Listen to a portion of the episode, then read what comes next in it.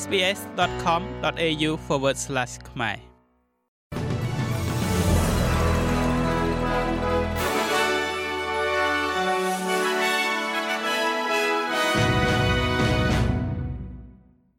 ចាសសូមស្វាគមន៍មកកាន់នេតិព័ត៌មានខ្លីៗរបស់ SBS ខ្មែរសម្រាប់ថ្ងៃអង្គារទី18ខែកក្កដាឆ្នាំ2023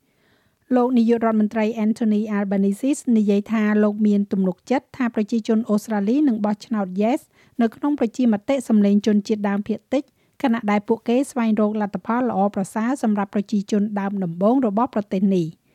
វាកើតឡើងនៅពេលដែលគណៈកម្មការរៀបចំការបោះឆ្នោតអូស្ត្រាលីបានផ្សព្វផ្សាយទឡហីករណ៍ Yes និង No ជាផ្លូវការនៅលើគេហទំព័ររបស់ខ្លួន ភាគីទាំងសងខាងបានគូបញ្ជាអំពីអំណះអំណាងរបស់ពួកគេនៅក្នុងអត្ថបទ2000ពាក្យដែលត្រូវបញ្ចូលនៅក្នុងខិត្តប័ណ្ណដែលនឹងផ្ញើទៅឲ្យក្រុមគ្រួសារអូស្ត្រាលីយ៉ាងហោចណាស់ពីសប្តាហ៍មុនការបោះឆ្នោតប្រជាមតិនេះមួយទៀតនោះតាក់ទងជាមួយនឹងការធ្វើជាម្ចាស់ផ្ទះនៃកីឡា Commonwealth Games របស់អូស្ត្រាលីនៅក្នុងរដ្ឋ Victoria នាយកប្រតិបត្តិនៃការប្រកួតកីឡា Commonwealth អូស្ត្រាលីលោក Craig Phillips បានថ្កោលទោសការសម្រេចចិត្តរបស់រដ្ឋាភិបាលរដ្ឋ Victoria ដែលមិនព្រមធ្វើជាម្ចាស់ផ្ទះកីឡា Commonwealth ឆ្នាំ2026ខាងមុខនេះ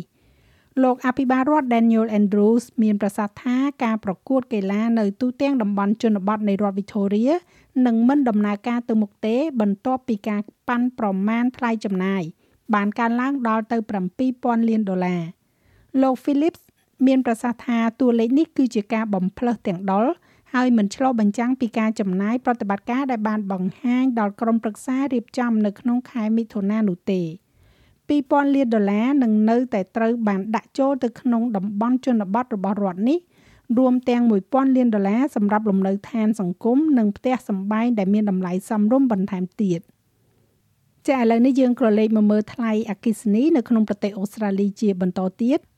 ប្រជាជនអូស្ត្រាលីអាចបន្តមានអារម្មណ៍ដឹងពីការឈឺចាប់នៃការកើនឡើងនៅថ្លៃអគិសនីសម្រាប់ប៉ុន្មានឆ្នាំទៅខាងមុខនេះបើយោងទៅតាមរបាយការណ៍ថ្មីរបស់ទីភ្នាក់ងារវិទ្យាសាស្ត្រជាតិរបស់អូស្ត្រាលី។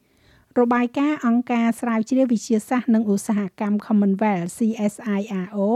បង្ហាញពីការចំណាយទៅលើការផលិតអគ្គិសនីបានកើនឡើង20%កាលពីឆ្នាំមុន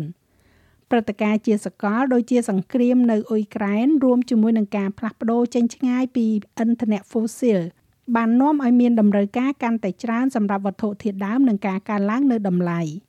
CSIRO រំពឹងថាសម្ពាធនៃការចំណាយអាចត្រឡប់ទៅធម្មតាវិញនៅឆ្នាំ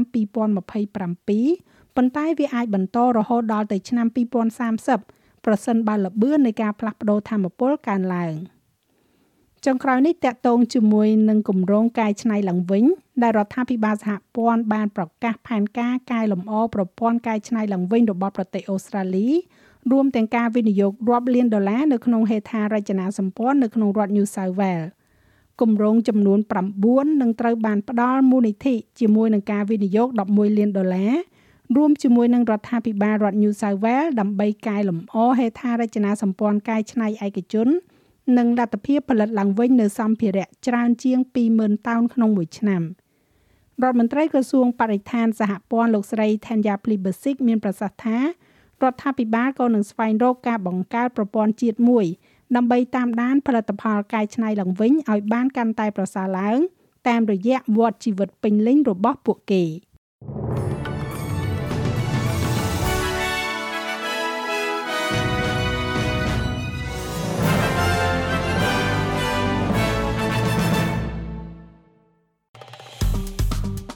ចុច like share comment និង follow SPS ខ្មែរនៅលើ Facebook